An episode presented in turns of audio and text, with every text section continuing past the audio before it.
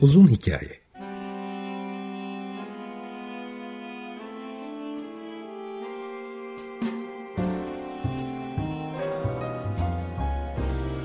Sinir bilim, psikoloji, felsefe ve müzik.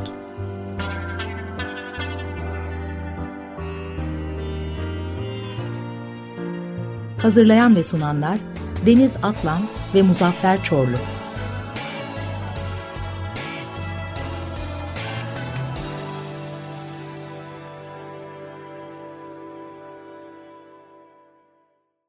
...95.0 Açık Radyo'dan, Açık Radyo.com.tr ve onun uzun hikayesinden herkese merhabalar tekrar. Bugün biraz astronomi, biraz fizik, daha doğrusu ikisinin karışımı astrofizik belki konuşacağız. Ben de Twitter'da rastladığım ve de takip ettiğim için de kendisine dedim ki bizim programa gelir misin? Hem birazcık uzay konuşuruz hem birazcık da e, nedir ne değildir. Ön görüşmede de bir takım notlar aldım ve Ögetay Kayalı'yı e, davet ettim. Ögetay hoş geldin öncelikle. Hoş buldum. Teşekkür ederim davet ettiğiniz için. Biz teşekkür ederiz Açık Radyo adına. Öncelikle hemen şunu söyleyeyim. Michigan Teknik Üniversitesi'nde fizik bölümünde ama astrofizik üzerine e, yoğunlaşan bir e, araştırmacısın. Halen doktoran devam ediyor. Senle hemen şöyle başlayalım. Öncelikle çok rastlıyorum çok ilgi uyandıran alanlardan bir tanesi de Türkiye'den bahsediyorum özellikle astronomi, astrofizik son zamanlarda benim gözlemlediğim kadarıyla daha da değerlenen, daha doğrusu insanların ilgisini çekmeye başlayan bir alan olmaya başladı. Sayılar daha da arttı gibi görüyorum. Çünkü yapılan e, yazılara bak ya baktım sana çalışmadan önce giderek daha fazla yayın çıkıyor. Bir o kadar da işin yanlış anlaşılan kısımları da var. Yani astrofizikle, astronomiyle astrolojiyi karıştırmaya devam eden milyonlar da var. Belki yani e, bir yerde evet. onu da konuşuruz ama şöyle başlayalım. Astrofizik e, nedir? En kabaca önce neden bahsedeceğiz? Onun genel çerçevesini bir çizelim. Ya astrofizik aslında astronomi kelimesiyle astrofizik kelimesini birbirinden ayırmak biraz zor ve dünyanın bazı üniversitelerinde birisi astronomi anlamına gelirken birisi astrofizik olarak kullanıldığını görebiliyorsunuz. Böyle bir fikir birliği de pek yok açıkçası ama kabaca her ikisi için de e, gökyüzünde gördüğünüz cisimlerin fiziği, nasıl çalıştıkları, mekanizmaları, varoluşları, evrimleri kapsayan bilim dalı diyebiliriz. Şimdi tabii günümüzde daha önceki yüzyıllara göre daha kontrollü çalışmalar yapılabiliyor. Dolayısıyla da hem bizim çıplak gözle görebildiğimiz ya da işte teleskoplarla görülebilen o yıldızların birbirleriyle olan ilişkisi e, ya da birbirlerinden giderek neden uzaklaştıkları ki daha önceden belki de öyle düşünülmüyordu. Hemen hemen herkesin ilgi alanına giriyor. Fakat benim gördüğüm kadarıyla teleskopsuz yani çıplak gözle bile e, çok yüzyıllar öncesine dayanan bir merak var. Sonuçta ben şimdi kendimi bir Neandertalle ya da bir e, Denisovan insanıyla ya da işte Homo sapiens'le e, bir empati kurduğum zaman şimdi dünyanın dönüp dönmediğinden de tam olarak haberimizin olmadığını düşünelim her gün hava kararıyor aşağı yukarı. Hava karardıktan sonra böyle yukarıda tabii o zaman e, şehir ışıkları da olmadığına göre trilyonlarca parlayan enteresan cisimcikler var gözlediğimiz kadarıyla ve bu konuda bir iki tane yazı okumuştum. Acaba işte Homo sapiens'i, Neandertal'in kognitif yapısı nasıl olabilir? Çünkü dünya dönüyor mu dönmüyor mu bilmiyor ve hı hı. o kadar yıldızlar ne anlama geliyor? E, tabii ta Kopernik'e, Kepler'e kadar da hatta neredeyse ya da işte antik Yunan'da alırsak hadi oraya kadar geri gidelim. Hiçbir fikir yok gibi en azından.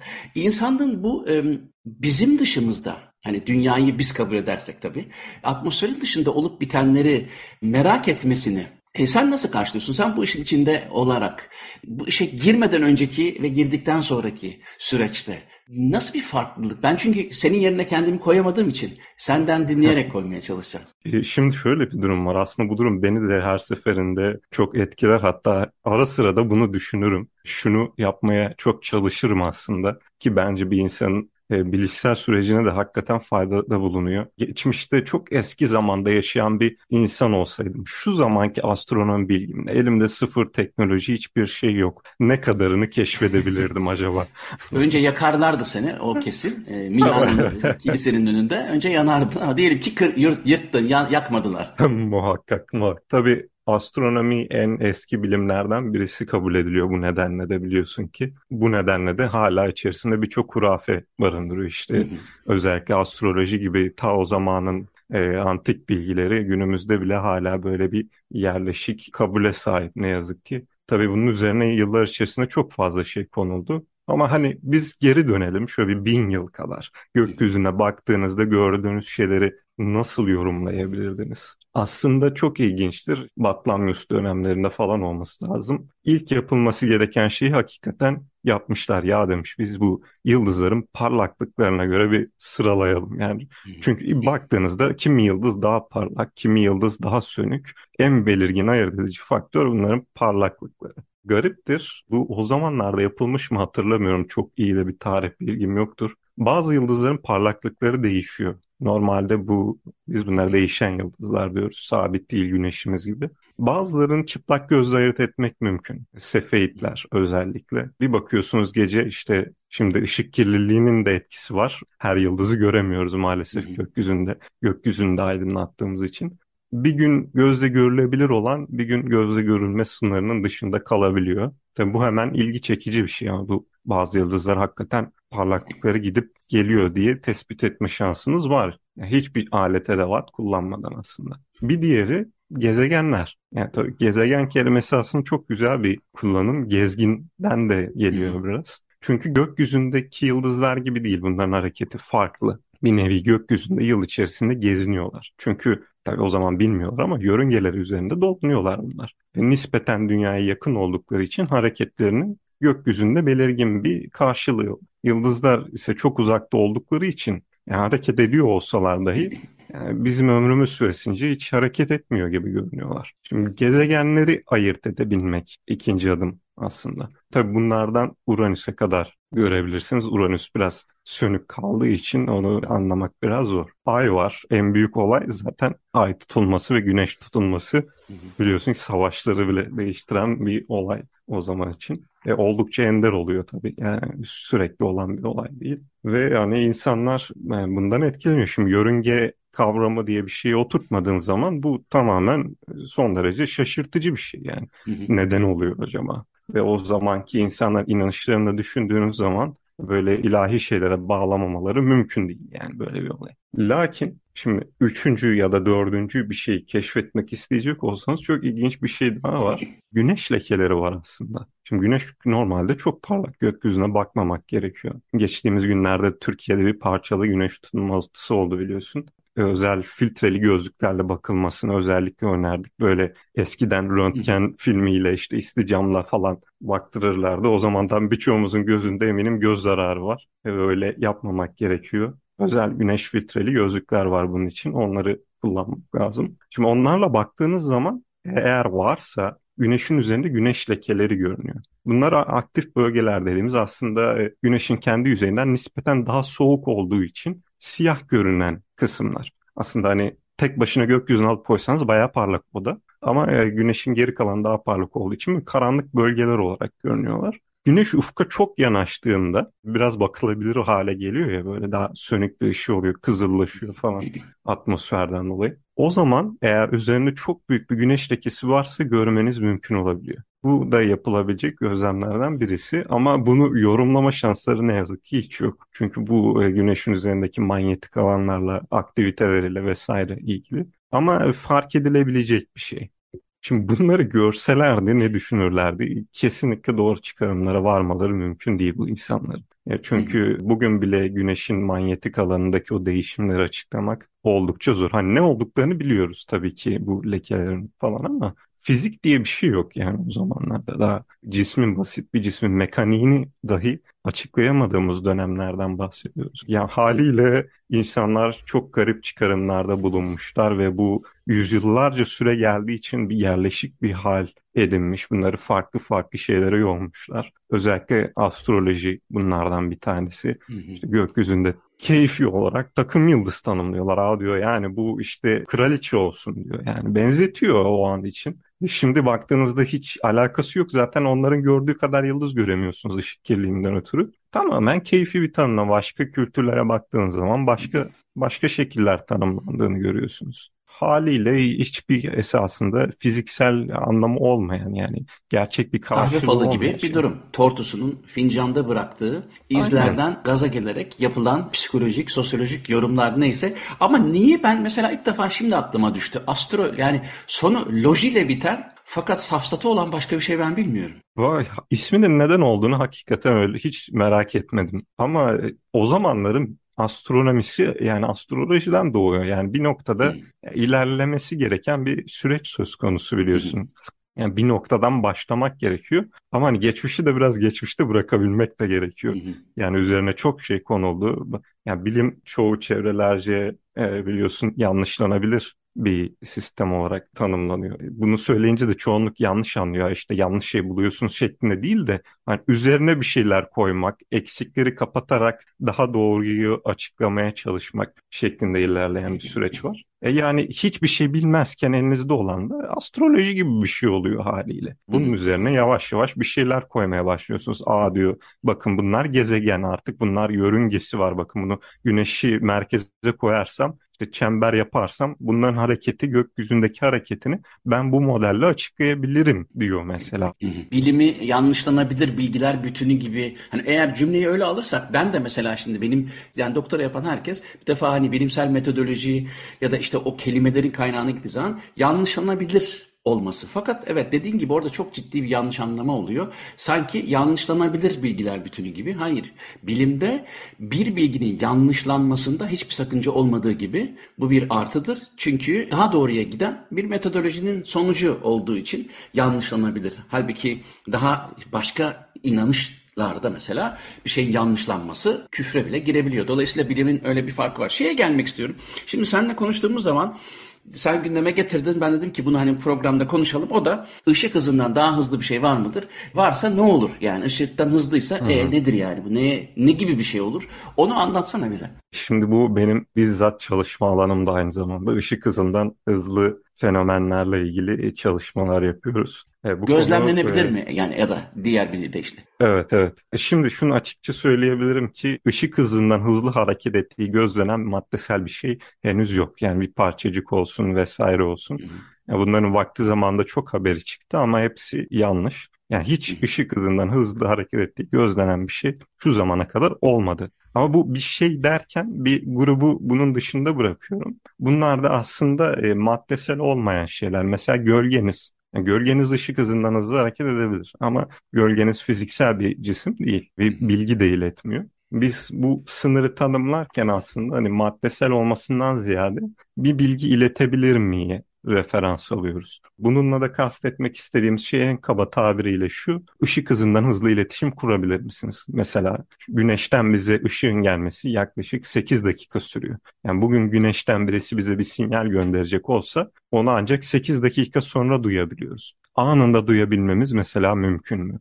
Işıktan hızlı iletişim bunu kastediyor. Evrenin herhangi bir köşesindeki biriyle anında iletişim kurabilir misiniz? Soru bu. Ve bildiğimiz kadarıyla hayır. Bu sadece gözlemsel olarak hayır olduğu için değil, aynı zamanda bazı çok kuvvetli ilkeleri ihlal ettiği için de böyle. Bu nedensellik ilkesi dediğimiz ilke. Yani bunu yaptığınız zaman bazı paradokslar ortaya çıkmaya başlıyor.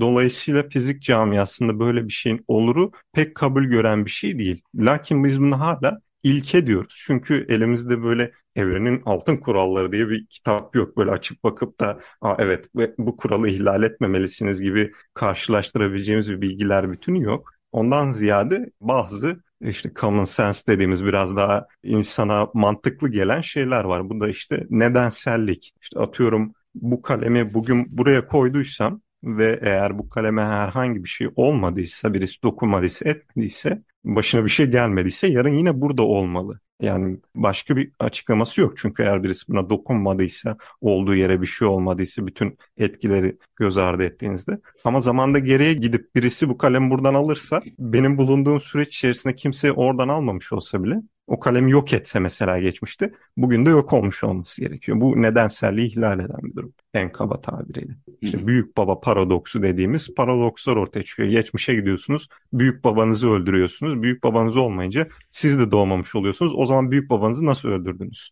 Gibi bir paradoks söz konusu. Bunun etrafından dolaşmak mümkün. Ama dediğim gibi bir fizikçi olarak bunu yapmak istemezsiniz. Çünkü sizin fikrinize karşı çıkacak, mantıklı, makul nedenlerle gelecek kişiler var. Bunlar pek kabul görmüyor diyebilirim. ışık hızının kendisine gelince tabii bu çok ilgi gören bir konu. Einstein dolayısıyla ilgi gören bir konu. Daha ne zaman Twitter'da Einstein ve ışık hızını bir arada içeren bir tweet atsam sürekli bir yeni, yeni bir takipçi geliyor. O yüzden ha, o de zaman ben mertebe... bu akşam yazıyorum. Einstein ve tamam pro okey tamam aldım şeyi mesajı. çok çok ilgi gören bir konu ve haliyle çok da yanlış anlaşılması var. Öyle ki hatta yani bilim dünyasının içerisinde bugün gidin bir fizik profesörüne sorun muhakkak size bu konuda bir yanlış bilgi verecektir. Ne yazık ki biz de bu alanda çalışmalar yaparken bu durumlarla karşı karşıya kalıyoruz. Da elimizde deneysel olarak gösterilmiş sonuçlar olmasına rağmen ya bu nasıl olur falan diye çıkan koskoca hani başarılı fizik profesörleri bile görebiliyorsunuz. Halbuki olan bazı durumlar var dediğim gibi. Gölgeniz mesela ya da duvarda taradığınız bir lazer lazer noktası için bir hız sınırı yok. Çünkü o nokta olarak yorumladığımız şey aslında duvara farklı zamanlarda çarpan farklı ışık tanecikleri yani. O aslında tek bir cisim ya da bir madde değil. O sadece bir algı. Dolayısıyla bunun için bir hız limiti yok ve hani bu e, defalarca ışık hızını aşabileceği gösterildi. Daha bununla ilgili YouTube'da bir iki video bile var yabancı kanallarda. E şöyle Einstein'ın ışık hızıyla olan münasebette 1905 yılındaki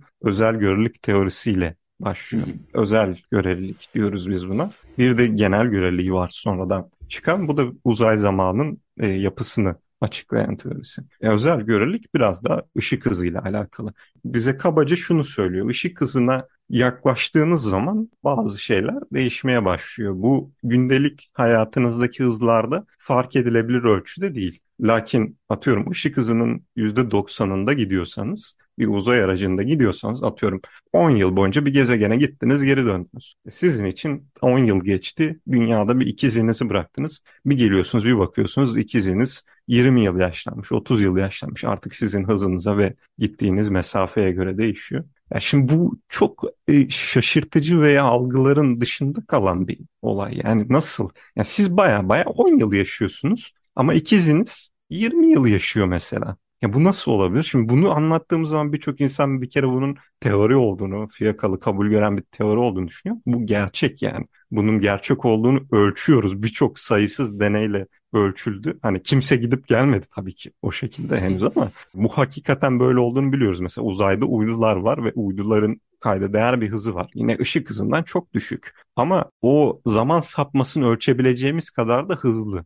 Dolayısıyla bu hassas atomik saatler kullandığımız zaman onları oraya yerleştirdiğimiz zaman dünyadaki zamanla oradaki zaman akışını incelediğimizde birebir teorinin öngördüğü miktarlarda bir zaman kayması olduğunu görüyoruz. Zaman daralması. Dolayısıyla yani teorinin Einstein teorisinin sorunsuzca çalıştığını biliyoruz. Eğer bir ikiz yüz, ışık hızının yüzde doksanında gidip gelecek olsaydı birebir aynı senaryo hakikaten gerçekleşecek. Bu çok eski bir örnek ama değil mi? Gene o kariyerinin başlarında verdiği bir örnekti değil mi o? Evet evet kariyerinin İkizler... epey başlarında hı hı. yani bu 1905'te evet. hatta işte geçen Twitter'da yazdım 1907'de bir makale daha yayınlıyor bunun devamı olarak. Orada da epey bir hata yapmış bir düzeltme notu olarak işte şurada şurada hatalar yaptığımı fark ettim diye bir düzeltme paylaşmış. Ben dedim bakın yani Einstein'ın bile eli kayabiliyor yani bir noktada çok da abartmamak lazım bunu. Einstein Ama Einstein en kendi söylediği kadarıyla benim bildiğim yani ne olur düzelt yanlışsa en büyük hatası işte o hani gezegenlerin birbirinden giderek uzaklaşması dolayısıyla evren, evrenin giderek büyüyor olmasını o günkü belki koşullardan ötürü tam olarak böyle ifade etmeyip yanlış bilmiyorsam işte bir kozmolojik sabitten bahsetmesi evet, ve sonra evet. da yaptığım en büyük hatadı demiş galiba değil mi? Öyle bir evet, şey var. Evet, o hikayeyi evet. bir anlatsana o hikayenin aslı astarı nedir? O genel görelilik teorisini yazdığı zamanlara alakalı. Genel görelilik teorisi bize evrenin dinamiğini açıklıyor diyeyim. Nasıl bir yapıda olduğunu, nasıl evrimleşebileceğini zamanla açıkladığımız teori o şu anda. Tabii o zamanlar evrenin genişlediğine dair bir gözlem yok elimizde. Evrenin statik bir yapı olduğu düşünülüyor. Ama Hubble'ın öyle bir şey yok muydu e, iddiası? Sonradan geliyor. 1918'de Hubble bunu yapıyor yanlış hatırlamıyorsam. Ha, Özellikle okey. e, genel görülüp Tamam. Ondan 1915'te. öncesinden bahsediyoruz. Evet evet. İşte Hubble o zaman galaksilere bakıp uzaklıklarıyla uzaklaşma hızlarını kıyaslıyor. Bakıyor galaksi ne kadar uzaktaysa o kadar hızlı uzaklaşıyor ve her yönde farklı farklı galakside bu durum olunca "Aa, her şey birbirinden uzaklaşıyor fikri ortaya çıkmaya başlıyor ama tabii bunun öncesinde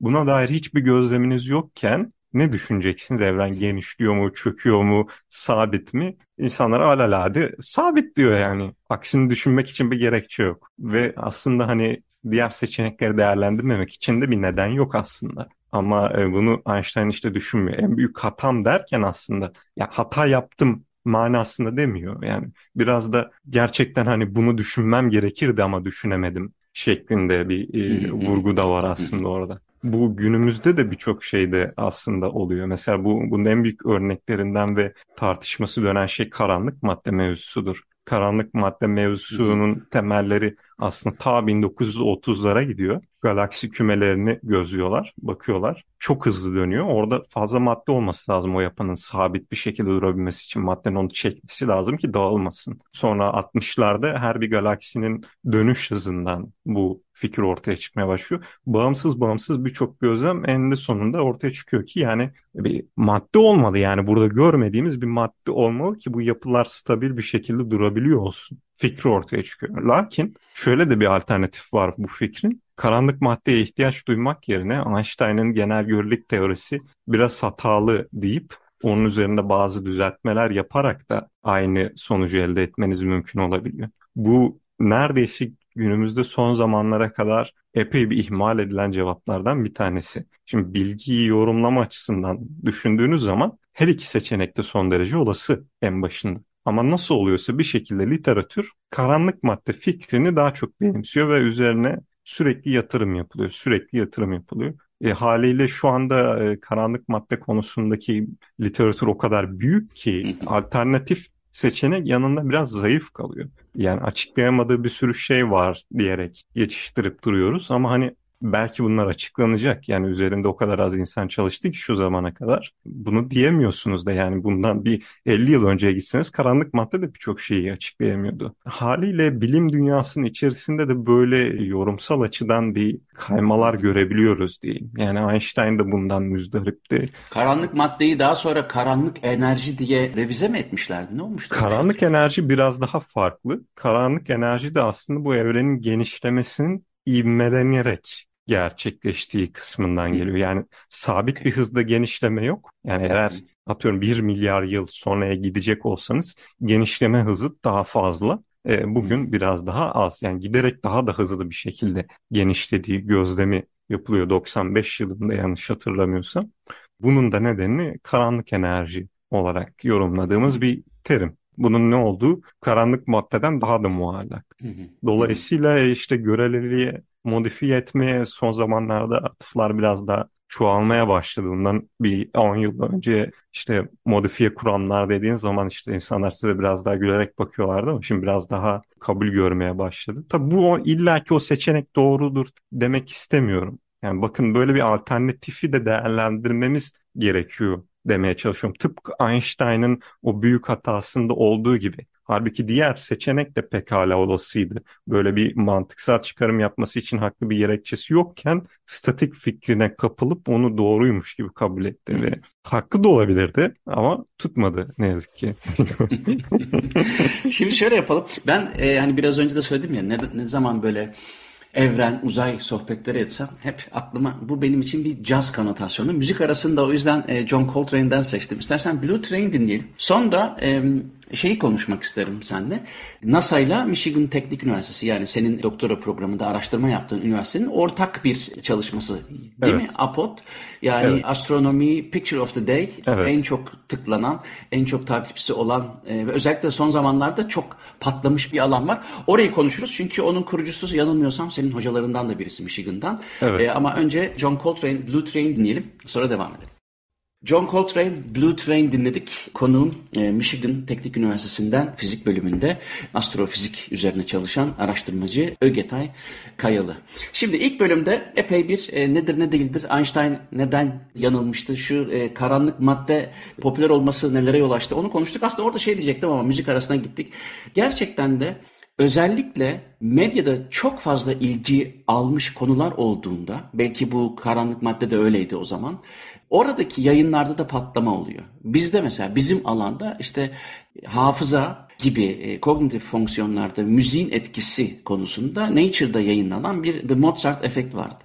1996'da yayınlandıktan sonra öyle bir patladı ki herkes işte çocuğuna Mozart dinletmeye başladı ve hatta işte Hollanda'da ineklere Mozart dinletip daha çok süt almadan böyle öyle bir abuk sabuk yere gitti ki biz 10 yıldır bunun böyle olmadığını anlatmaya çalışıyoruz deneylerle ama e, o zaman yapılan o çalışmalar işte hatta hafızanıza iyi gelen klasik müzik CD'leri falan diye böyle çok güzel insanlar ekmeğini yedi. Fakat aslında işin gerçeği asla konunun Mozart'ta bilgisi yoktu ama e, metodolojideki bu zayıflığa diyelim e, Nature'da yenik düşünce orada bir patlama oldu. Belki de karanlık madde de yani bir sürü şey içerisinde onun belki patlaması popülerlikle ilişkili olabilir. Şimdi şeye gelelim yani katılmıyorsan lütfen fikrini söyle tabii de e, NASA'nın e, Hubble'dan aldığı görüntüler başta olmak üzere son zamanlarda benim de çok dikkatimi çekiyor.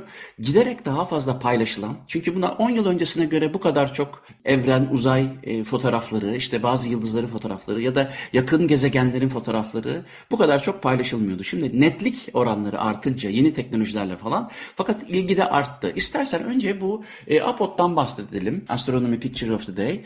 Aslında e, 95'ten beri mi var? Bayağı evet, da evet, eski bir 95, şey değil mi bu? Evet, evet ve NASA ile sizin üniversite, Michigan Teknik Üniversitesi beraber kuruyor değil mi bu da? Onu anlatır Ee, hikayesini? şöyle hikayesi, benim danışmanım Robert Nemiroff ve meslektaşı Jerry Bonner o zamanlar NASA Goddard'da çalışırlarken işte tarih 1995 bu arada. Tabii internet henüz yeni bir kavram. Ve o zamanlar işte me- mailleşmeler var yani sosyal medya diye bir şey de yok. Fotoğraflar gönderiyor insanlar birbirlerine falan. Tabii o zaman hocam biraz da fark ediyor yani burada bir e, misinformation var. Yani insanlar doğru kaynağa henüz ulaşamıyor. Yanlış bilgiler dolaşıyor. Aa diyor yani biz her gün bir astronomi görseli seçelim. Altına da bir paragraflık doğru işte profesyonel astronomlar tarafından yazılmış açıklaması olsun ki insanlar için de bir kaynak olsun, doğru bilgi olsun diye böyle bir fikirle yola çıkıyorlar. 95'ten günümüze her gün bir astronomi görseli işte bu artık astrofotoğrafçıların çektiği hoş görseller olsun,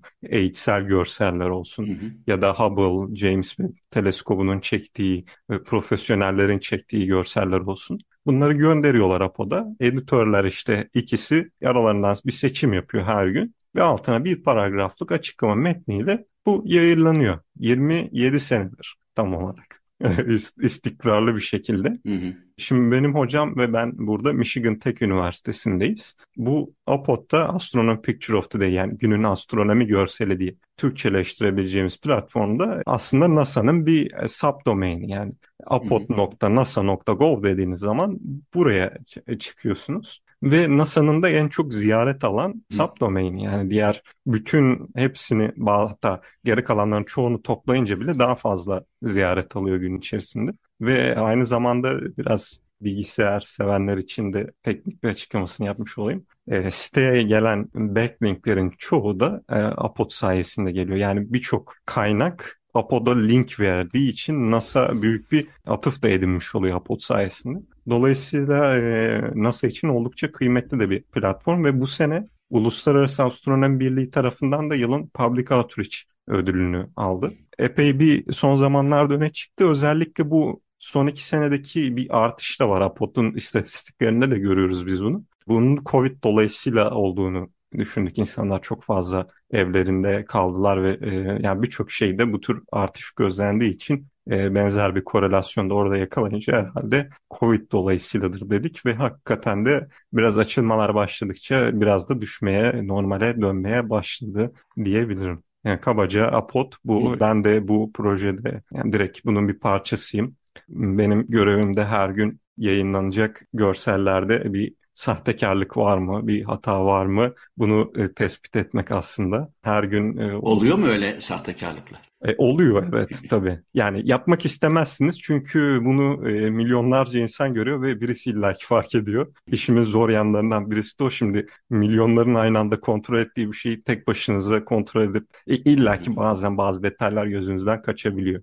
E, neyse ki şu zamana kadar öyle bir şeyimiz olmadı. Ama hani şüphe duyduğum ve yayınladığımız bazı görseller oldu. Lakin kimse bir şey demediği için doğru olarak kabul etmeye devam ettik diyebilirim onları. Şimdi önümde bir sürü daha soru var fakat ben zaman azalır da orayı yeterince konuşamayız diye önce sorayım. E, şimdi bir sürü insan senin şu anda içinde olduğun konuyla ilgileniyor ve özellikle Türkiye'de gördüğüm kadarıyla giderek ilgi odağı olan bu alan diyelim insanların ilgisini çekiyor. Sen şimdi nasıl bir background önerirsin ve de üniversiteden sonra nasıl bir yol izlenmesini önerirsin ki mesela benim de burada bu arada bir teleskopum var. Bir, bir, bir tık iyi Galileo'nunkinden.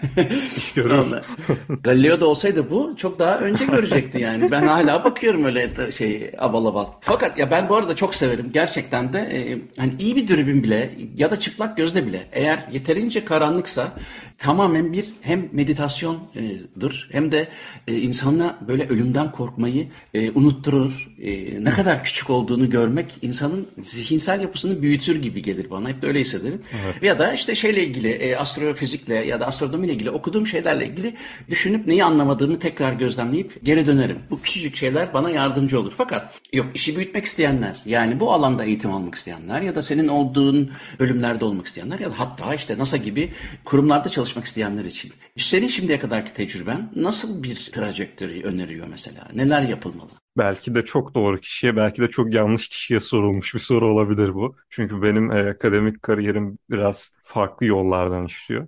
Ama ee, Hubble'dan bahsettik. Hubble da sonuçta hukuk okuduktan sonra tekrar dönüyor e, evet evet Hubble'ın da çok ilginç bir hikayesi var doğru. Yani, yani mümkün evet tabii ki her zaman e, bir şeyler yapmanız mümkün. Hatta benim de mezun olduğum dönemde fakülte birincisi hanımefendi yeni çocuk doğurmuş. Aynı zamanda işi olan bir, bir birisiydi yani. Orada bir sürü öğrenci varken aslında tam zamanlı kendisinin bir işi vardı ve yeni bebeği olmuştu. Ona rağmen hem bölüm birincisi hem fakülte birincisi olmuştu mesela. Yani bunların bence de yaşı yok. Benim hikayem biraz daha garip. Belki en öne çıkanı Ege Üniversitesi Astronomi'de birinci olarak mezun oldum. Oradan sonra o bir sene kadar orada master yaptım ama hani devam etmek üzerine değil. O zaman yurt dışına başvuracaktım. Başvuru için süre geçerken bir yandan da hani ders alayım istedim. Nitekim dersleri de aldım. Sonra bıraktım fakat sağlık sorunları nedeniyle bu sefer uçuşum imkansız hale geldi ne yazık ki. Öyle olunca e, Türkiye'de ne yapabilirim alternatifleri düşünmeye başladım. Sonra bir anda ilginç bir şekilde ben alan değiştirdim. Moleküler biyolojide master'a başladım.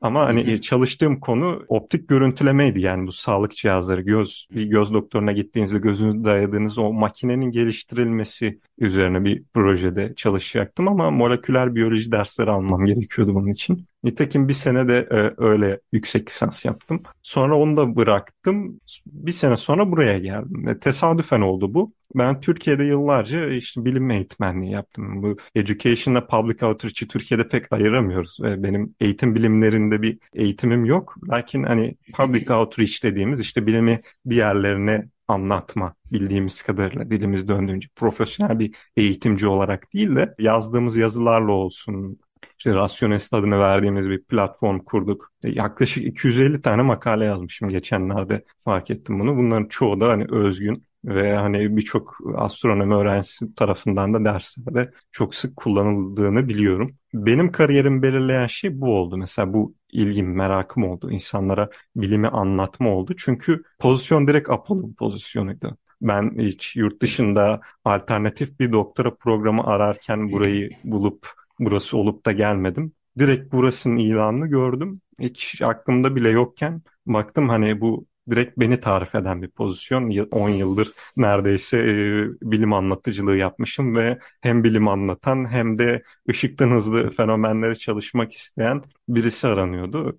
Nokta atışı oldu ve hani öyle olunca zaten direkt hocamla mailleşince e, geri kalanlar sınav prosedürlerini geçmekten ibaret. Bir anda buraya gelmiş oldum. Yani ben alternatif bir yere bile başvurmadım diyebilirim gönül rahatlığıyla. O yüzden iyi bir örnek değilim. Ama şu açıdan iyi bir örnek. Eğer her zaman Türkiye içerisinde olmuyor tabii. Mesela bunun konumun Türkiye içerisinde pek bir karşılığı yok. Hatta bunu yapmaya çalışırsam benimle çalışamazsın diyen hocalar bile oldu vakti zamanında bana. Ee, orada ilgi görmeyen bir şey burada ilgi görebiliyor ya da tam tersi de olabiliyor tabii ki. Benim bu konudaki naçizane tavsiyem hani hem yapmaktan hoşlandığınız çünkü en büyük belirleyici faktör çalışkanlıktır ve bunun içinde bir motivasyon da gerekiyor. Sadece disiplinle bir yere kadar. Bu motivasyonu size sağlayacak işi yaptığınız zaman haliyle çok da çalışmış oluyorsunuz. Çok da karşılığını alacağınız dünyanın bir köşesinde illaki bir pozisyon sizin için var. Hı. Dolayısıyla buna yatırım yapılmasını ben tavsiye ederim. Benim için biraz şans eseri oldu. Ben de farkında değildim böyle bir şey olabileceğinin. Ama hakikaten böyle bir şeyin e, mümkün olabildiğinin altını çizmek isterim bu vesileyle. Peki e, şöyle sorayım. Bilmediğim için soru yanlışsa düzelterek cevap vermeni isteyeceğim. O da e, mesela NASA'da çalışmak, orada bir bilim insanı olmak ya da işte hangi pozisyonlar varsa bir hedef midir? Sizin dünyanız için iyi bir hedef midir yoksa bundan bağımsız bir parametre mi? Ki böyle hedefler olan birçok kişi var tabii ki. Benim hiçbir zaman aslında NASA'da çalışmak gibi bir hedefim e, de yoktu. Hani NASA'da çalışıyorum da e, diyemem. Çünkü hani NASA'nın bilim yapan tarafında değilim. Benim bilim tarafım tamamen bağımsız. Sadece işte bu eğitim amaçları için NASA'nın bir parçasıyım. Ee, Birçok insan tabii NASA'da bilimsel çalışma da yürütmek istiyor. Hani NASA çok büyük bir kurum yani orada çalışmış olmak dolayısıyla büyük bir hedef çoğu insan için. Benim için biraz daha farklı çünkü NASA'nın ilgi duyduğu çalışma konuları benim alanımın epey bir dışarısında kalıyor. Ya bu çalıştığımız mesela ışık hızından hızlı fenomenler. NASA'nın şu anda çok da gündeminde olan konular değil. Mesela Harvard'a da gitmek istemezdim ben. Çünkü e, o tür top üniversitelere gittiğiniz zaman da biraz e, güncel konuları yani çok rağbet gören konuları çalışmanız bekleniyor. Çünkü bu üniversitelerin o konumda olabilmelerinin en büyük nedeni istatistikleri ve istatistiklerinde bağlı olduğu şey bir nevi araştırma konusunda makalenizin alıntılanma sayısı. Eğer kimsenin ciddiye almadığı önemli bir şeyi çalışıyorsanız e, üniversite sizi o kadar da önemsemiyor. Yani ne çalıştığınızın bir önemi yok. Aslında Onların çok acayip şey... bir şey söylemiş oluyorsun. Çünkü bu e, geçenlerde bizim konuştuğumuz bir şeydi. E, bizde de mesela işte Gent Üniversitesi ya da işte Belçika'nın iki her zaman ilk yüzde olan Leuven'le Gent var. Fakat konulara bölümlerden bağımsız söylüyorum. Bu e, nöroloji bölümü de olabilir, işte müzikoloji bölümü de olabilir. Moleküler biyolojinin sağlam olduğu bir ülke burası. Yani o üniversiteler. Fark etmez konunun ne olduğu ama gerçekten birinci şart ne kadar alıntılanma olduğu tabii ki çok önemli. İkincisi de gerçekten de halkla ilişkisinin ne kadar e, iyi olduğu yani halkla ilişkileri evet. PR'ı o kadar önemsiyorlar ki ben de 6 sene çalıştığım için biliyorum. Herhangi bir konuyu Mesela benim konum işte kognitif load. Çoklu görev sırasında işte hani e, işleyen bellek, working memory, işte şeyle nasıl ilişkiye girer vesaire. Daha doğrusu şöyle söyleyeyim. Otonomize edilmiş hareketlerle birlikte eğer e, ikinci bir görev verilirse kognisyon daha iyi çalışıyor. Bu şimdi kimsenin ilgisini çekmez. Ama eğer bu aslında şunu kastediyoruz. Mesela bir iş yaparken onu otonomize etmiş kimler var? Mesela opera sanatçıları diyelim ki e, söyledikleri aryayı embodied etmişler.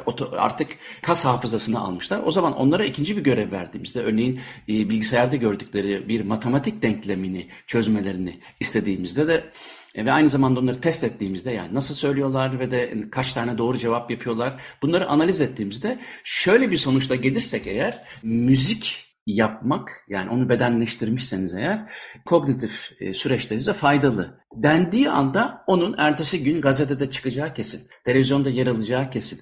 Ama ilk şekliyle söylersen kesin değil. O yüzden de e, üniversitenin aslında e, bunu dengelemek zorunda. Yani ne kadar PR'ı iyi yapılmış konular olsa da PR'ı hiç yapılmasa da e, üniversitenin böyle bir beklentisinin olmaması gerekir ama dünyanın en iyi üniversitelerinde bile bu kaygı var. Yani demek ki sizin alanda da aynı şekilde var demek. Tabii tabii yani bu sıralamalarla alakalı bir durum. Yani sıralamayı belirleyen metrikler direkt bunlara bağlı. E, dolayısıyla üniversitede doğrudan bunu önemsiyor. Sıralamada yüksek sırada bulunabilmek için. Kim çalışıyor böyle konuları? Ancak yıllardır profesörlüğünü yapmış, artık her şeyi ortaya koymuş işte emekliliğe yakın hocalar bu, bu tür konuları çalışarak. Elemiş, eleğini asmış artık umur, umurunda ya, değil. Yani aynen öyle yani bir akademik kaygısı olan kişiler yapmıyor özellikle benim gibi doktora zamanında böyle bir konuda çalışarak akademik geleceğinizi riske atmak istemezsiniz. Çünkü e, biz burada hocamla yaptığımız konuda tamamen yeni bir alan kuruyor gibiyiz. Yani şu anda neredeyse bizim dışımızda pek ne farkında olan var ne de dikkatini çekmiş olan var. Geçmişte birkaç kişinin dikkatini çektiğini ama çok basit düzeyde kaldığını görüyoruz. E, bunun konunun nereye çıkacağı da belli değil. Yani dünyada hiçbir zihin yok ki bundan ne çıkabileceğini şak diye öngörü versin. Yani aklımızda birçok çılgın fikir var ama belki bir şey çıkacak, belki hiçbir şey çıkmayacak. Yani bir bakıyorsunuz doktorunun sonunda elinizde kimsenin umurunda bile olmayan makaleler var olabilir. Dolayısıyla kimse bu, bunları çalışmak da istemiyor bu dönemde. İşte benim hocam yıllardır profesör olduğu için artık bunlara gömülmüş. İşte hatta onunla e, ışık hızından hızlı bu fenomenlerle ilgili bir kitap yazıyor çok uzun zamandır. İki senedir de onu düzenlemekle çalışıyoruz. Türkçe'ye çevirmeye de çok istekli bana arada bahsini açıp duruyor. Böyle bir 300 soru cevaplık bir kitap. Belki Türkçe'ye de çevireceğiz onu. Yani bunları mesela Harvard'da yapabilme imkanım benim yoktu. Yani burada çok daha özgür hissediyorum bu konuda. Yani benim için e, önemli olan şeylerden birisi bu. Ha, Harvard'da olsaydım Tabii orada edindiğim network olsun, yapacağım çalışmalardan gelen alıntılanmalar olsun po pozisyonum epey bir çok daha kolaydı yani gelecek açısından. Ama benim hani e, bilim camiasından beklentim bu değil. E, ben hani merak ettiğim konuda bir şeyler yapmak istiyorum. E, bir yere çıkmazsa da alternatif bir şeyler düşüneceğiz. Ama hani ben bu soruların cevaplarını öğrenmeyi istiyorum. Dolayısıyla hani bunları çalışmak istiyorum. E, hocamla o yüzden güzel bir şey yakaladık böyle ahenk yakaladık diyeyim. O da memnun ben de memnun. Bakalım bir şekilde gidiyoruz sonu ne olacak hepimiz göreceğiz. Bunu söyleyecek kişi ben değilim belki ama aramızdaki sohbet bağlamında söylüyorum. Ayakları çok yere basan bir şey. Çünkü sen zaten hani biraz önce dedin ki disiplin yani belki bir yere kadar olabilir ama gerçekten de motivasyon yani isteyerek yapma böyle bir şey. Ben mesela çok hani 86'da üniversiteye girdiğim zaman 1986'da belki yani sen doğmamıştın çok büyük ihtimalle. Ee, evet. Ee, psikoloji okurken o zaman mesela bizde bilmiyorum hala öyle mi eşit ağırlık bir e, bölümdü bu. Yani işte yabancı dilden matematiğe, fiziğe işte bir, sürü soruyu yapmak gerekiyordu. Ee, mesela yani o zamanlarda psikoloji çok acayip popüler değildi. Tıp doktorluğu ya da işte avukatlık bir de mühendislik. Bu üçü yani en kötüsü yani psikoloji okumak ya da işte ne bileyim hani o alanlarda eğitim almak istemek tamamen delilikti ya da o kadar e, zengindin ki hani sonraki iş e, kaygın olmadığı için okuyabilirdin. O şimdi değişti fakat buna rağmen insanlar gerçekten de şeye bakıyorlar. Ben bu bölümü okuduktan sonra ne yapacağım? İşte bu sorunun cevabı motivasyonu kısa tutmuş oluyor gibi geliyor bana. Yani aslında evet. tam istediği şey değil de benim çünkü tanıdığım mühendis arkadaşlarım var. O kadar çok felsefe okumak istemişler ki aslında. Ha bunun için bir engel yok. Felsefe okumak için üniversiteye gitmeye gerek yok. Çünkü felsefe okumak isteyen felsefe okur ama hani bir akademik düzeyde iş yapmak istediğin zaman engel oluyor ama senin umarım yani şöyle bitirelim. Umarım sen e, Hani belki de belki de çok ilgi uyandıracak bir alan. Ee, ışık hızından daha hızlı fenomenler belki de iki sene sonra e, her gazetenin arkasında yer alacak çok acayip bir şeye gidecek belki. Ve o zaman da belki. iyi ki motivasyonumu korudum diyeceksin. Yani öyle değil midir? Belki de öyle olacak. Öyle yani e, hiçbir türlü yaptığıma pişman olacağımı düşünmüyorum. Çünkü Hı-hı. hani bilerek yapıyorum zaten sonucunun ne olacağını e, hoşuma gittiği istediğim cevaplar bulmak istediğim için yapıyorum. Tek üzülebileceğim yan eğer istediğim cevapları bulamazsam olur. O da bir gün elbet bulunur diye düşünüyorum. Böylece bitirelim istersen Ögetay. E, bugün konuğum Ögetay Kayalı'ydı. Michigan Teknik Üniversitesi'nde fizik bölümünde astrofizik üzerine çalışan bir e, araştırma görevlisi. Doktorasını halen devam ettiriyor.